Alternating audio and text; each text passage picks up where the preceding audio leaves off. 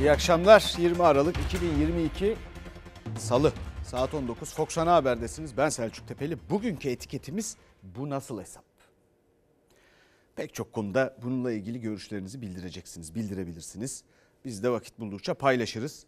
Efendim bu nasıl hesap derken asgari ücret hesabına hemen bakalım. Asgari ücrette Türk İş'ten, Türk İş'ten 9000 TL resti. Türk İş'in resmi teklifi 9 bin lira arkadaşlar. Verirlerse masaya oturup imzalarız. Vermezlerse o için meselenin içinde olmayız. 20 gündür devam eden asgari ücret pazarlığının son toplantısında Türk İş teklifini açıkladı. %64 zamla 9 bin lira istedi. İşveren ve hükümet ise bir rakam telaffuz etmedi. Hepinize saygılar sunuyorum. Haydi. Efendim işveren tarafının bir İşverene sorun abi. Hadi.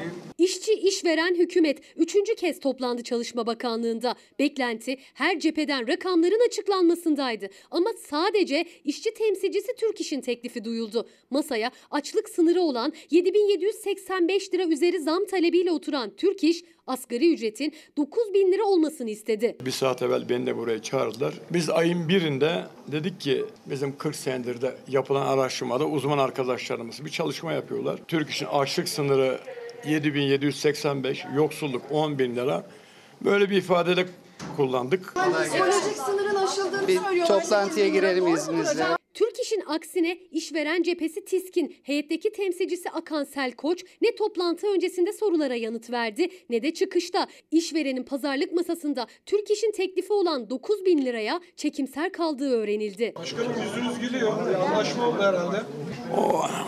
Teklifi yukarıda Bakan Bey'e söyledim. Şimdi komisyona söyledim. Türk İş'in resmi teklifi 9 bin lira arkadaşlar. Verirlerse masaya oturup imzalarız. Vermezlerse o için meselenin içinde olmayız. Yaklaşık 3,5 saat süren toplantıdan uzlaşma çıkmadı. Türk İş'in 9 bin liralık teklifinden başka rakam da duyulmadı. Türk İş 9 bin liradan bir adım geriye gitmeyiz diyor. Tiskin ise bu teklifi değerlendirmek için süre istediği biliniyor.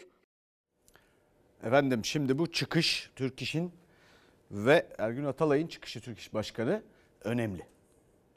Önemli çünkü şimdi bir destek lazım onlara açıkça. Ki yarın bugün eksik kalan söyleyemeyeceğimiz şimdi vakit kalmayacağı için söyleyemeyeceğimiz şeyleri yarın İlker Karagöz'de saat 9'da buluşacağız. İlker Karagöz'de konuşacağız, söyleyeceğiz yarın sabah. Efendim 9 bin lira almayın bir dakika lütfen. Bir dakika bir dakika arkayı almayın hemen. Bizim memleketimizin insanı öyle mütevazı ki patron sizsiniz diyorum boşuna demiyorum. Öyle mütevazı ki istemiyorlar. Sebep şu bakıyorum etrafa bir şey soruyorsunuz mesela sence ne olsun? O kadar mütevazı rakamlar söylüyor ki insanlar çok garip. Zaten araştırma yapıp paylaşıyor ya Çalışma Bakanı da. Çok ilginç. Ne efendim vermezler. Ya onlar verir vermez. Bu sizin meseleniz değil. Onlar bozdu ekonomiyi. Mecburlar vermeye istediğiniz rakamı. Mecburlar. Dostoyevski'nin söylediği gibi milletimizin elleri hala güçlü ama neyi kavrayacağını bilmiyor. Bakın bunu verecekler. Bu seçimden önce ister istemez verecekler. İster istemez verecekler. Türk işte zaten noktayı koydu, kalktı. Ondan sonrasını onlar düşünsün. Bu memlekette hükümetin yaptığı, AK Parti hükümetinin yaptığı en büyük hatalardan bir tanesi şu. İş gücünü ucuzlattılar bile bile. Burada aylardır, yıllardır söylüyoruz. Bu ülkeyi Bangladeş'e filan çevirdiler.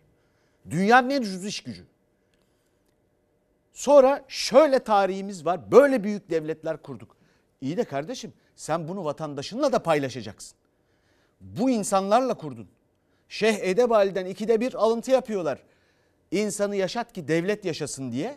E insanı yaşatmıyorsunuz. Bu ülkede çalışanların %60'a yakını asgari ücret ya da 50 lira 100 lira farklı komşu ücretlerle çalışıyor.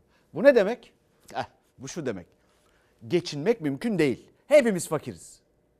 Hepimiz fakiriz ama nitelikliyiz. Bu bu ülke insanın hakkı değildir. Fakat burada başka bir mesele daha var. Eğer yüzde altmışı bu ülkenin asgari ücret civarında veya asgari ücretle çalışan insanlardan oluşuyorsa istediklerini alamazlarsa seçimde her şeyi değiştirirler. Hükümet buna hesap etmedi işte. Dolayısıyla bunu verecekler. Başka yolu yoktur. Onların bu nasıl hesap diye baktıkları şey burada bambaşka bir hesap işte. Bambaşka bir hesap. Bu insanların hepsi de seçmenler. Efendim Hasan Dede'yi bilirsiniz. Bektaşi şairlerindendir. Arı biziz, bal bizdedir demiş. Bunu asla unutmayın. Efendim devam ediyoruz şimdi.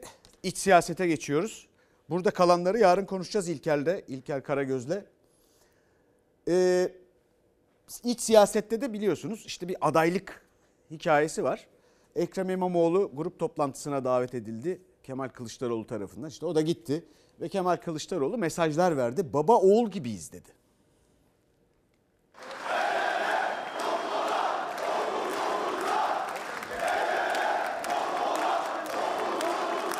Ekrem İmamoğlu ile baba oğul ilişkisi gibiyiz. Kendisi CHP'nin evladı olduğu kadar benim de evladımdır. Ona sahip çıkmak benim de boynumun borcudur. Aralarında gerilim olduğuna ilişkin yorumların zirve yaptığı günlerde İmamoğlu'nu CHP grubuna çağırdı Kılıçdaroğlu. Baba oğul gibi sözleriyle sorun yok mesajı verdi. Saraçhane düğümü çözüldü mü efendim? Düğüm yoktu ki. İmamoğlu hakkında hapis cezası çıktığı gün CHP liderinin Almanya'da olması çok tartışıldı. Akşener'le İmamoğlu'nun Saraçhane'deki sıcak fotoğrafı Kılıçdaroğlu'na mesaj olarak algılandı. CHP lideri Saraçhane'de buluşma çağrısını sosyal medyadan öğrendiğini söyledi. İmamoğlu'nun buluşma çok önceden belliydi açıklaması Kılıçdaroğlu'na yanıt gibiydi. Çağrıyı Almanya'da sosyal medya üzerinden arkadaşlar duyurdular bana. Orada duydum.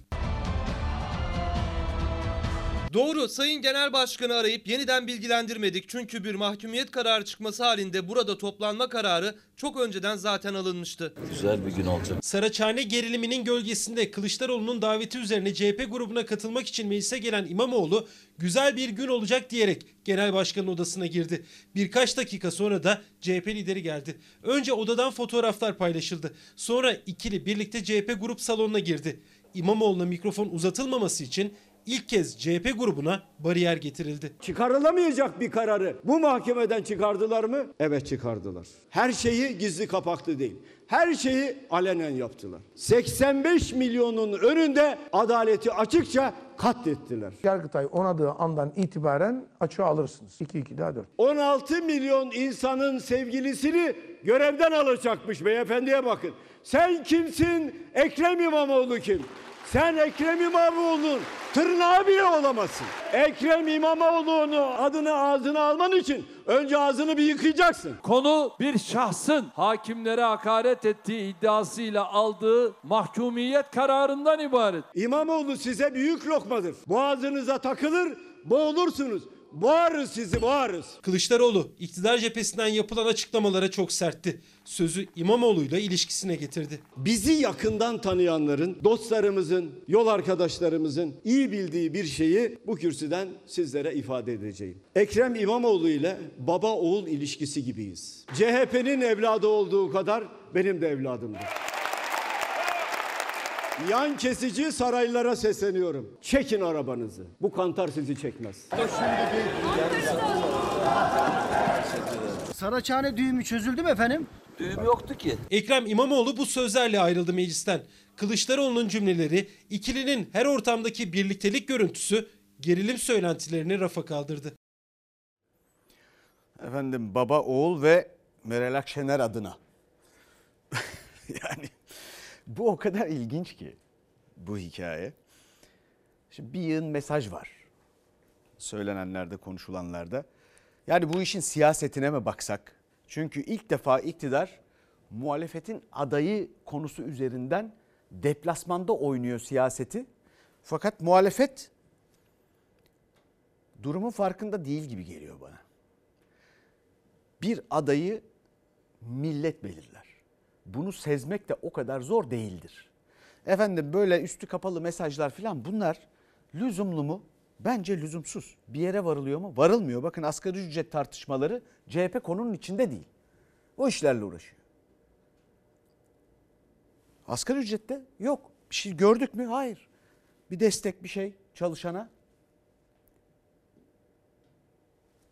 Efendim neyin incesini görmeye çalışıyorlar? Anlaması zor. Doğal adaylık diye bir şey vardır. Ya bunu görmek o kadar zor bir şey değil. Ve millet karar verir. Şimdi buna hukuk tarafından mı baksak? Yani 4 ayda nohut yüzde 352 zamlanmış. 9 bin lira verilmez zannediyorsunuz. Ya bütün bunlara bakmıyor bu ülkenin siyaseti neyle uğraşıyor. İktidar zaten bakmıyor. Zaten iktidardan umudu kesiyor insanlar yani bu görünen tabloda. Peki yargı tarafına mı baksak? Ya orası da acayip. Orası da acayip. Öyle bir durum var ki bir yargı kararı var ortada. Ekrem İmamoğlu'nun mahkumiyeti durumu. Ya yargı kararı hukuka kesin aykırılık içeriyor. Ceza yasası, ceza e, e, yargılaması yasasında birçok maddeye aykırı. Birçok maddeye. Evet mesela bu 2004'e 5271 sayılı ceza yargılaması yasası. Efendim orada ceza yargılaması yasasının 289'a birinci maddesi A bendine aykırı. Açıkça neden? Ya bir hakim duruşmalarına girmediği bir dava hakkında karar veremez. Bunun bütün bu yargılama sürecinin baştan başlaması gerekir. Bizim yasalarımızda var. Bütün dünyanın yasalarında var. Eğer yedek hakim yoksa ki yok. Yeni baştan duruşma yapılır başından sonuna. Başka burada tartışılacak bir şey yok. Ama Türkiye'de hukukçular, yargı hatta yargıya işte konusu düşen taraflar bile kestirmelerden adaleti öldürmekle meşguller ya. Ya bu inanılır şey değil ya. Ya bu Abdullah Öcalan kararı davası biliyorsunuz. Avrupa İnsan Hakları Mahkemesi'ne gitmişti. Türkiye lehine sonuçlandı. Niye biliyor musunuz? Hatırlıyor musunuz onu? Çünkü bir asker hakim vardı. O çıktı yedek hakim olduğu için onun yerine alabildi ve Türkiye o davayı kazandı. Türkiye lehine sonuçlandı. Ve yedek hakimlik müessesesi bizim kanunlarımızda da var. Niye bu davada yok? Bu hakim bu kararı veremez. Yasalara aykırı. Hukuka aykırı. Mahkeme hukuka uygun oluşmamıştır. Bunu da her gün tekrar edeceğim. Başka davalarla ilgili de herkes buna baksın ya. Bu ülkede biraz hukuk olsun. Yargı biraz kendine çeki düzen versin. Çünkü yargıdan başka bunu kimse yapamaz. Kendileri yapacaklar. Kendileri yapmak zorundalar. Efendim devam ediyoruz. Geldik yargıda e, yine siyasetin kendi iç yargılarına, iç işlerine karışma tartışması.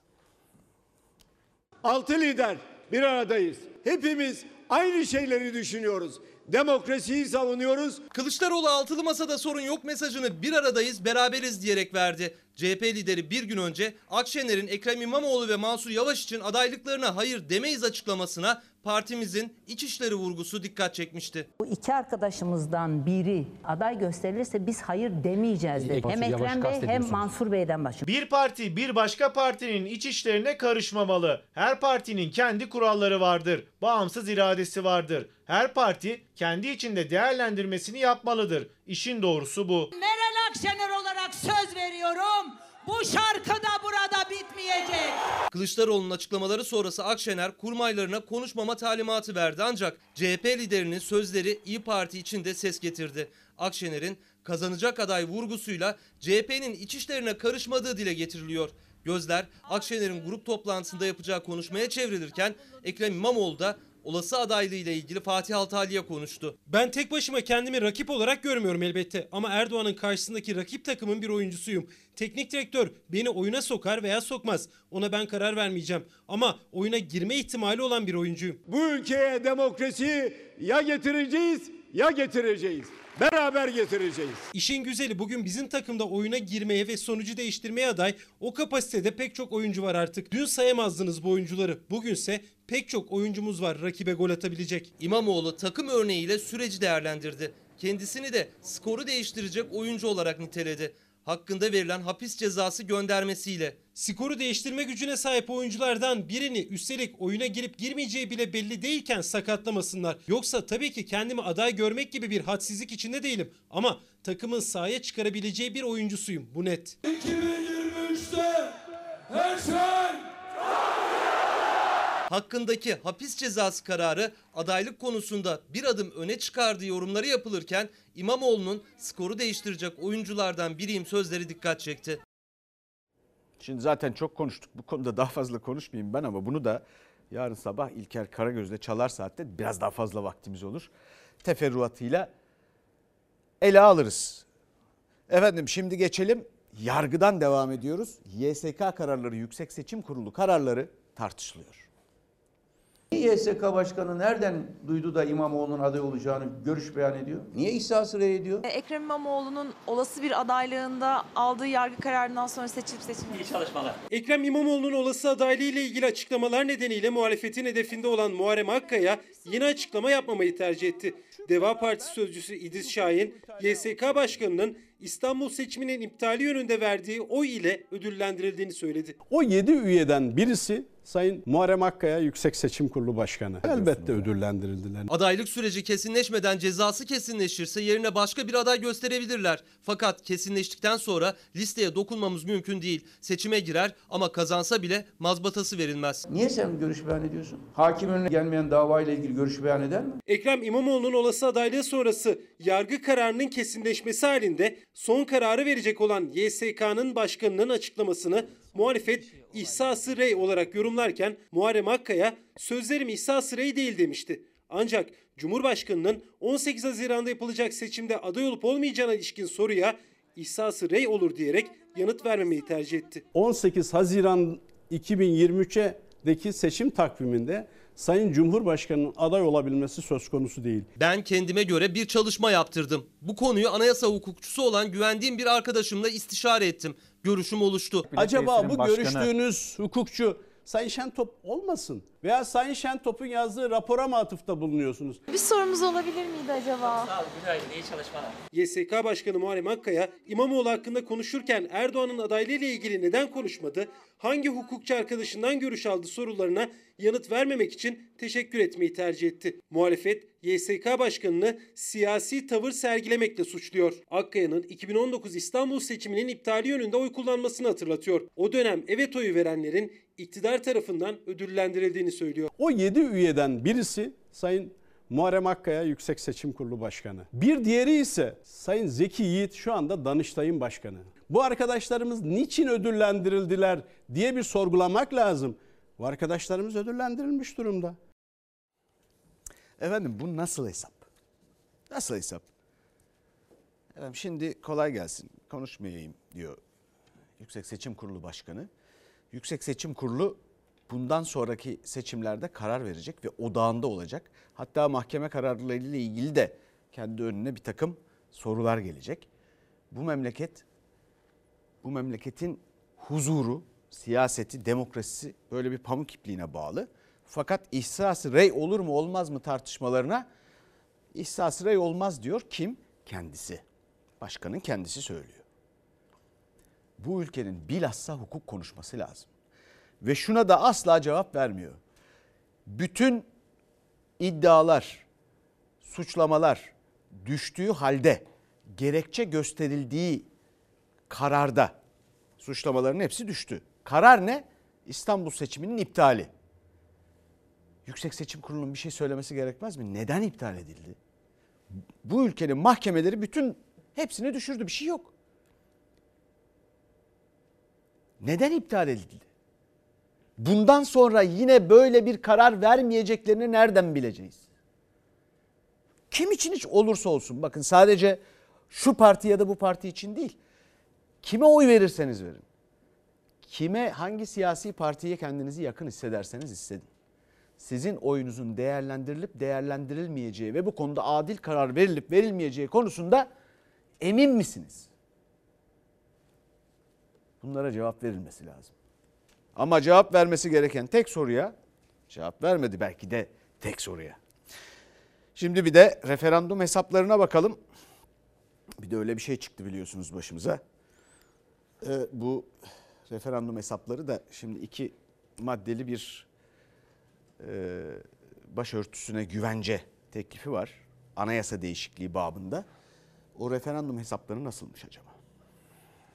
Birileri hala o karanlık dönemin özlemiyle yanıp tutuşuyor. Biz de madem öyle dedik, yüreğiniz sıkıyorsa gelin anayasal düzeyde kalıcı olarak çözecek bir teklifte bulun. Sorun şimdi bu muhalefete. Herkes biliyor ki bu Erdoğan'ın seçim için kullanmış olduğu bir koz son kozu. Türkiye'de ekonomi çökmüş durumda. Bu konular konuşulmasını istiyor Erdoğan. AK Parti'nin iki maddelik başörtüsüne anayasal güvence getiren ve aile yapısına yönelik düzenleme içeren anayasa değişikliği için Cumhurbaşkanı'nın seslendiği muhalefet olası referandumu Cumhurbaşkanı'nın seçim kozu olarak yorumluyor. Burada kafaları karıştıracak başka bir maddeyi eklerseniz hele de referandumu bu kesinlikle kabul edilemez. İstismar olduğu açıktır. Başörtüsüne anayasal güvence getiren ve evlilik birliğini tanımlayan anayasa değişiklik teklifine imza vererek desteğimizi ilan ediyoruz. Hayra motor, şerre fren olacağız. Saadet Partisi lideri Temel Karamollaoğlu'nun çekincelerini dile getirdiği anayasa değişikliği için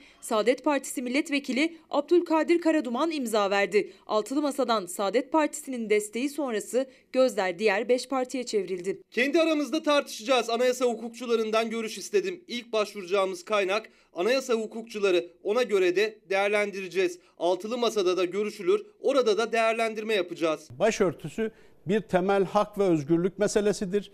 Bu yasayla da anayasayla da düzenlenebilecek bir konu değildir. Ama mutabakatla çıkacak bir karara da Deva Partisi olarak uygun hareket edeceğiz. Anayasa değişikliği genel kurulda üçte iki çoğunluk gerektirdiği için meclisteki komisyon ve genel kurul süreçlerini bekliyoruz. Altılı masa bunu yemez, milletimiz yemez. Yeteri kadar Erdoğan bunu istismar etti. Kendi pisliklerini örtmek için bunu yeteri kadar kullandı. Artık yeter diyoruz. Muhalefet temkinli ama anayasa teklifine destek verilip verilmeyeceği de liderlerin toplantısında belli olacak. Olası referandumu da Erdoğan'ın seçim için kullanacağını söylüyor muhalefet. Bu hadiseyi referanduma götürürse oradan alacağı olumlu havayla genel seçimlere gitme arzusu içerisinde olabilir. Sayın Erdoğan her yolu deneyecektir. Tünelden önce bir çıkış olarak görmektedir. Çünkü son şansıdır.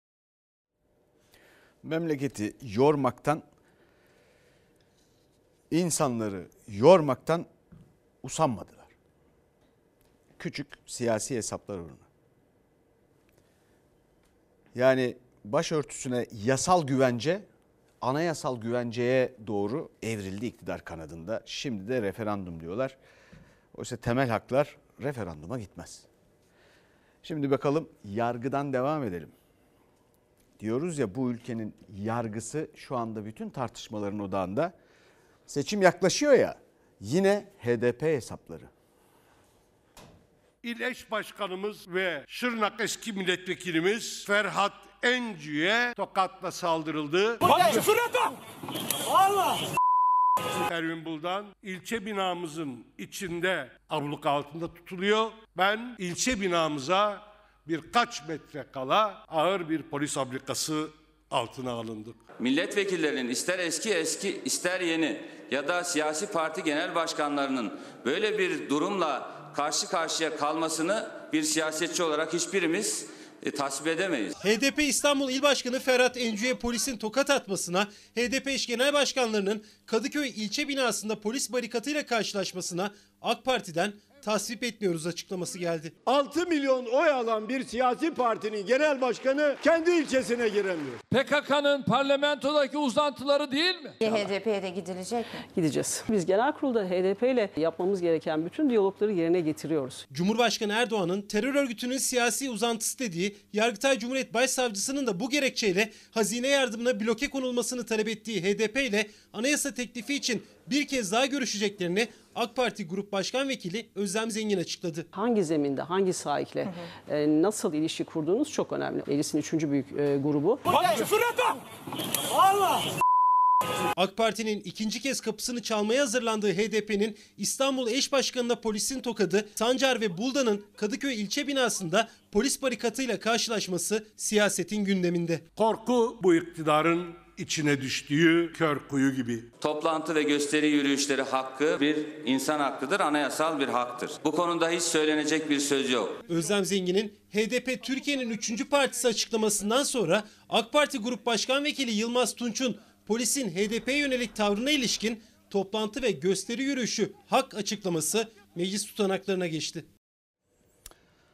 Efendim e, Bu nasıl hesapla ilgili olarak etiketimiz gelen değerli izleyicilerimizden gelen birkaç mesaj okumak istiyorum.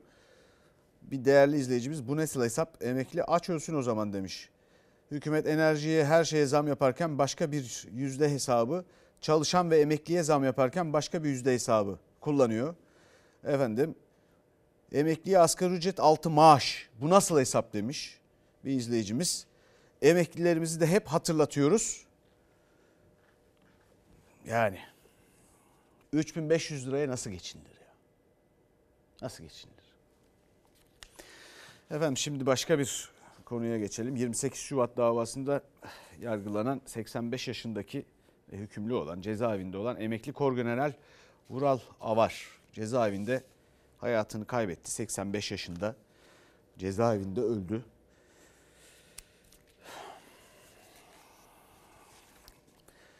Aynı zamanda da Montreux bildirisinde amirallere beraat kararı çıktı.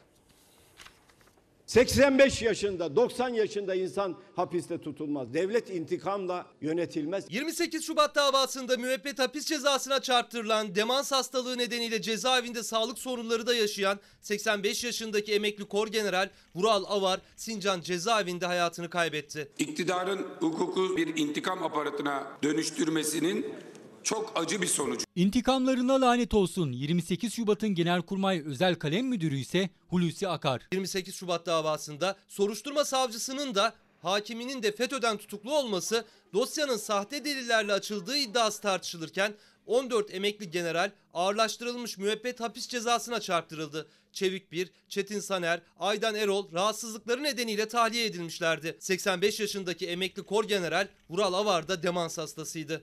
Milletvekilimiz Sezgin Tanrıkulu Anayasa Mahkemesi'ne yaptığı çağrıda yaşam hakkı ihlali olmadan bu bireysel başvurunun görüşülmesi çağrısında bulunmuştu. Emekli Kor General Vural Avar'ın hastalığı nedeniyle cezaevinde tutulduğunu dahi bilmediği, yakınlarını tanımadığı, ilaçlarını alamadığı kısa süre önce de kaburgasının kırıldığı biliniyordu. Ölüm haberi geldi. 85-90 yaşında insanlar hapiste kalmasın diyorsanız her türlü katkıyı vermeye hazırız. Emekli generalin cezaevinde vefatına muhalefet tepki gösterirken 5 Nisan 2021 yılında Montreux Boğazlar Sözleşmesi ile ilgili yayınladıkları bildiri nedeniyle devletin güvenliğine veya anayasal düzene karşı suç işlemek için anlaşma suçundan 12'şer yıla kadar hapis cezası istenen 103 emekli amiral hakkında da beraat kararı çıktı. Amirallere darbeci yaftası yapıştırıldı. Bugün gelinen noktada hepsi birden beraat ettiler. Darbecinin emeklisi muvazzafı olmayacağını bilmeyecek kadar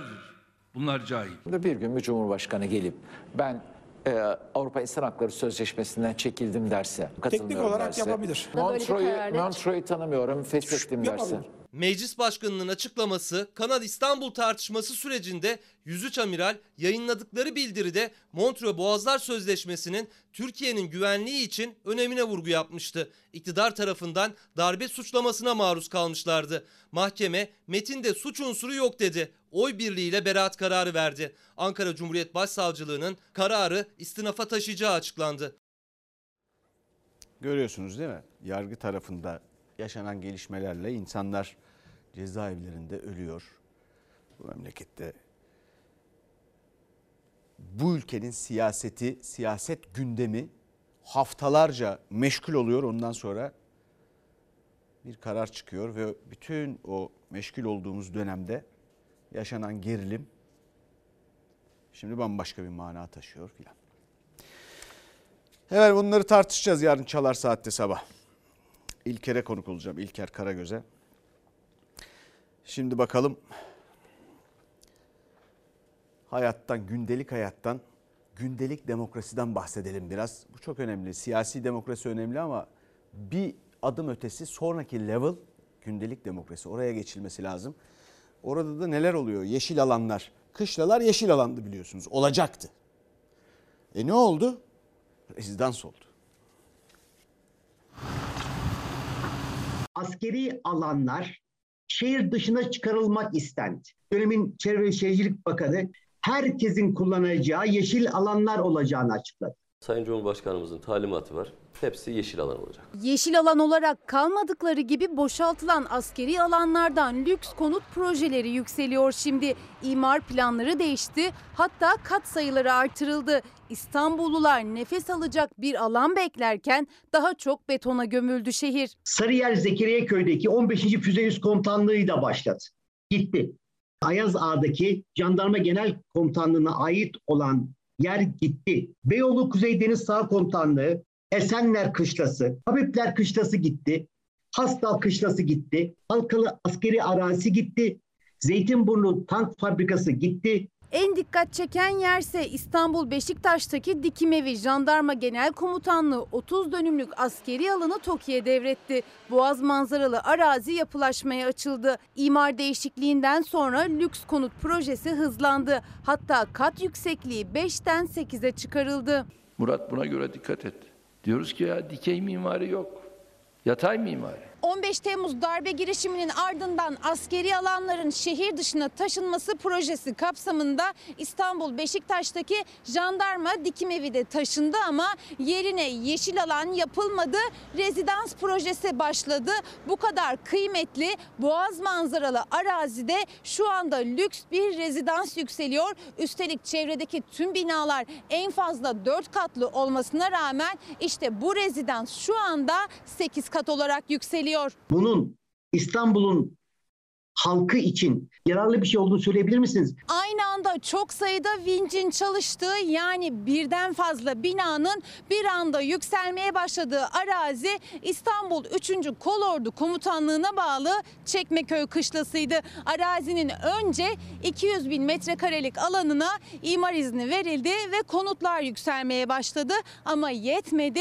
800 bin metrekarelik bir diğer bölümü de imara açıldı. Yeşil alan olacak denen tek bir yer bile yeşil alan olmadı. Hiç kimsenin içeri giremeyeceği satın alanlar dışında bir yere dönüştü. Askeri alanlar şehir dışına taşınırken dönemin Çevre ve Şehircilik Bakanı boşalan arazilerin yeşil alan olarak korunacağını söylemişti. Ancak Tuzla'dan Florya'ya İstanbul'un dört bir yanındaki askeri alanlar yeşil vasfını yitirdi 6 yıl içinde. Yeşil dediğiniz zaman sizin ve benim aklıma doğa geliyor olabilir. Bazı insanların aklına dolar geliyor. Maltepe Baransel Kışlası, Kenan Evren Kışlası, Sancaktepe Kışlası. Şehir hastanesi yapacağız den. Ama bir baktık ki 5 kat imar izniyle burası TOKİ eliyle satışa çıkarıldı. Saymakla bitmiyor betona dönüşen askeri alanlar. İnşaat mühendisi Kubilay Kaptan'a göre o araziler yeşil alan olarak korunsa İstanbul'un depreme hazırlığı içinde önemli bir adım atılmış olabilirdi.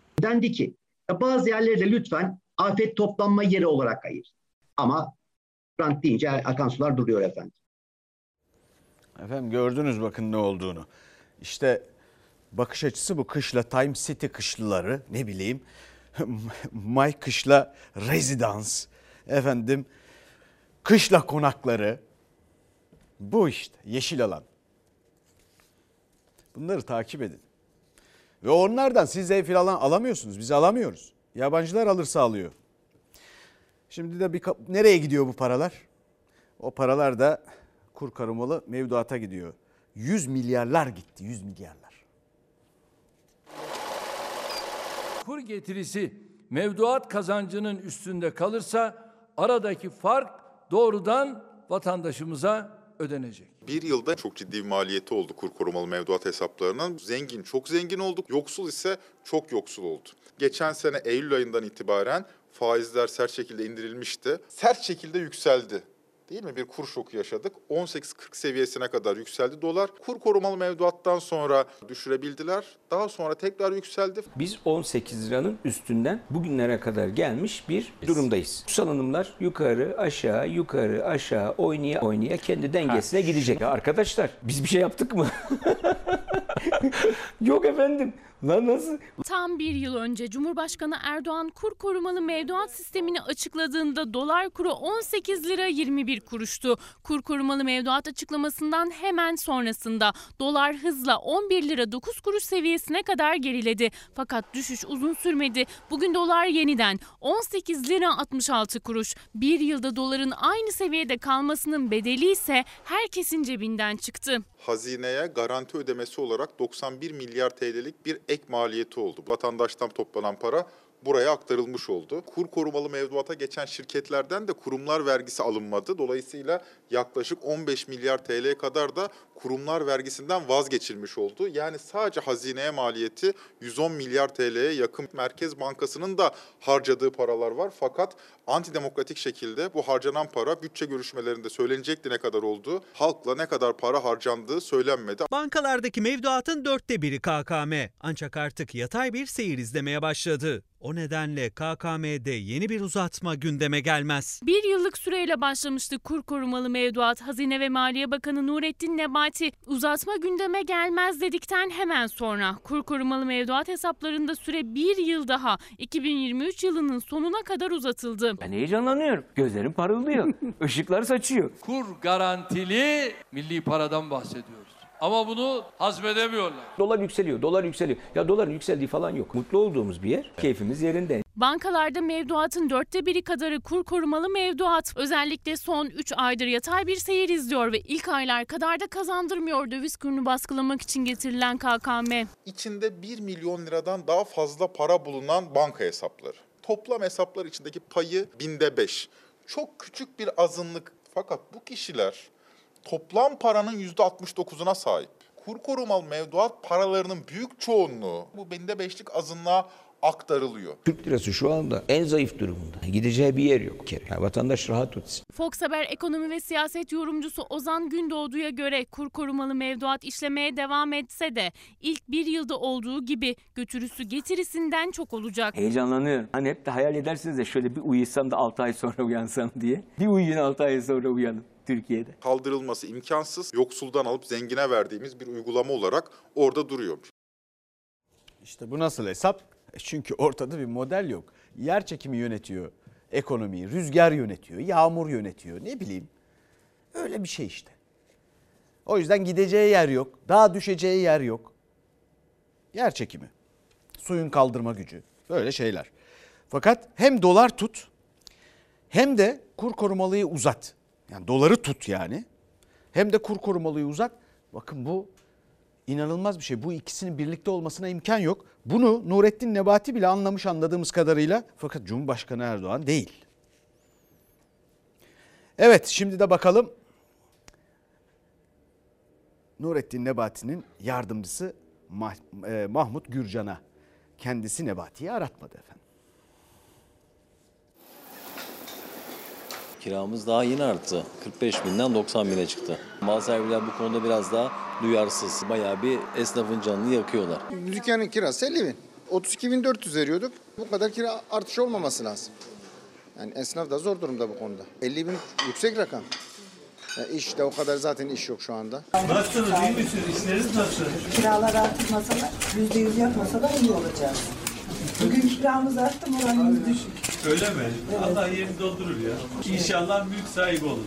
Bak ben söyle dua edeyim. İnşallah mülkünü alırsınız. Allah Esnaf en büyük derdini kira sorununu anlatırken Hazine ve Maliye Bakan Yardımcısı Mahmut Gürcan kirasını ödeyemeyen esnafa mülk sahibi olun tavsiyesinde bulundu. İnşallah mülk sahibi olun.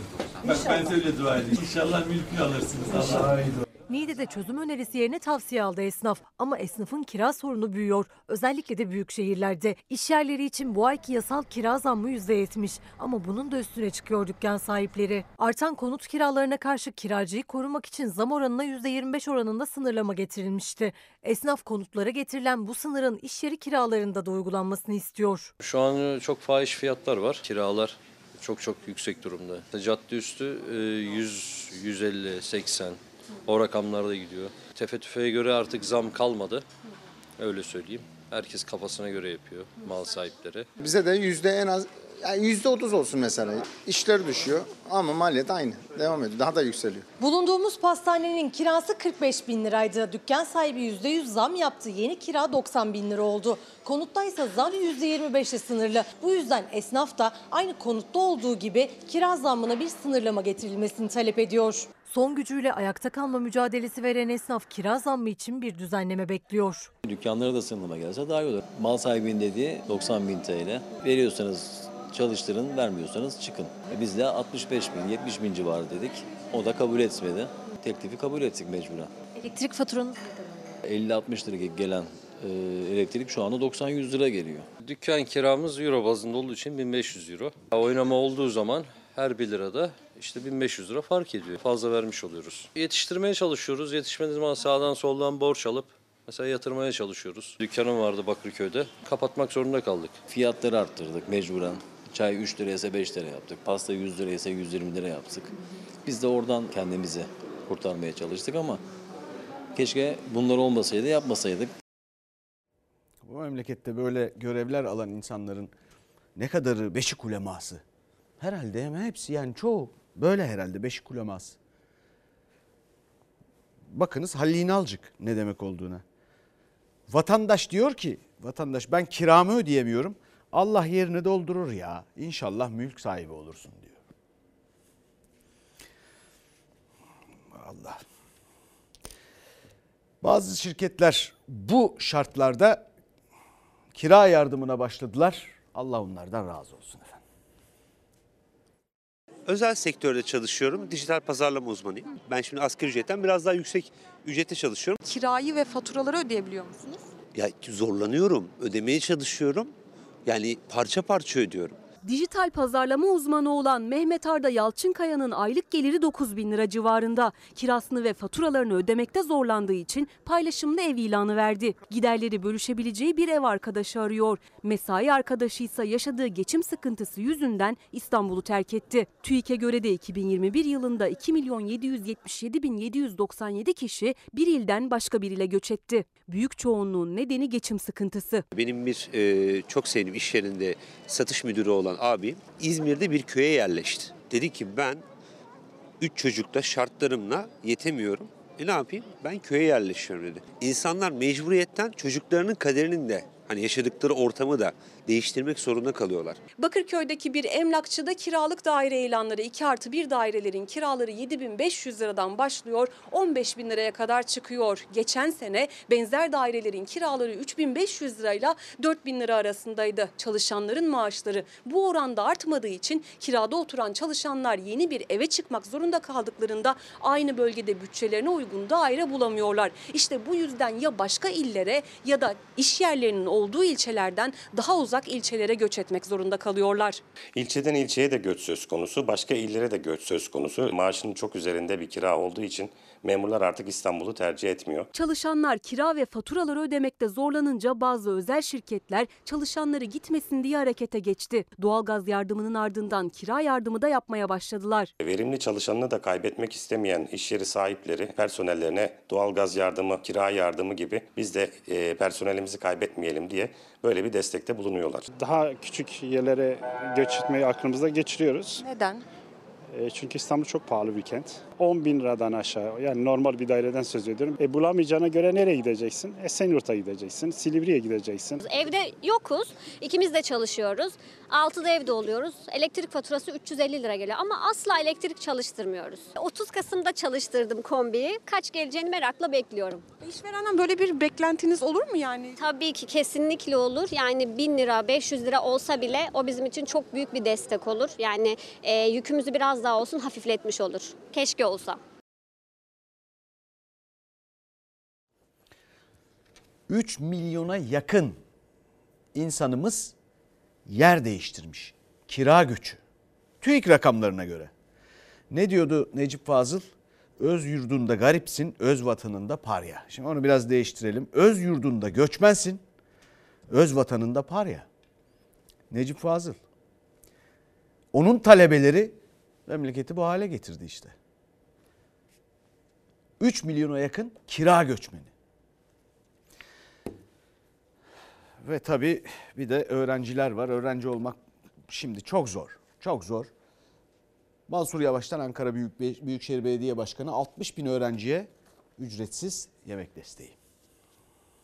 Öğrenci başına aylık 330 lira destekte bulunarak evlatlarımızın beslenmeleri için kıymetli bir adım atmış olacağız. Ankara Büyükşehir Belediye Başkanı Mansur Yavaş ilköğretim öğrencilerine yönelik beslenme desteğini açıkladı. İlk etapta 14 bin, toplamda 60 bin öğrenciye ayda 330 lira kantin desteği verilecek. Sosyal yardım alan ailelerimizin çocukları için yılbaşından sonra ilk olarak pilot bölgelerde ardından da tüm Ankara'da Başkent Kart'la kantin alışverişi dönemini başlatıyoruz. Buraya bir beslenme çantası getirdim. Önce çıkan bir kuru ekmek, sonra bir su. Ne çıkıyor? Sayın Bakan, garibanlık, garibanlık. Muhalefet aylardır gündemde tutuyor. Beslenme çantasını dolduracak maddi gücü olmayan ailelerin çocukları okulda aç kalıyor, destek verilmeli diye. Bütçeye ek beslenme kalemi konulması teklifi iktidardan döndü. 16 milyon öğrencimiz için talep ettiğimiz miktar öğrenci başına yaklaşık 22 lira.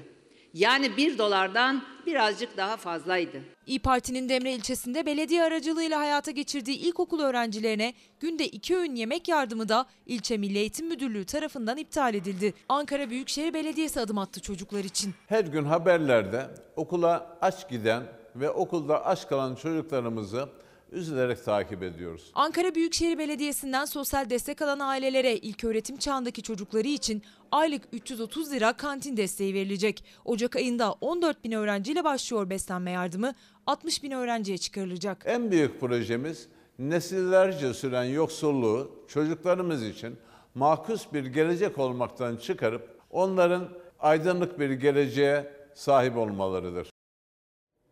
Şimdi bir reklam aramız var. Sonra bir dakika bölümünde buradayız. Türkiye yine bir dava üzerinden Havan'da su dövüyor. Bunu tekrar etmeye devam edeceğim.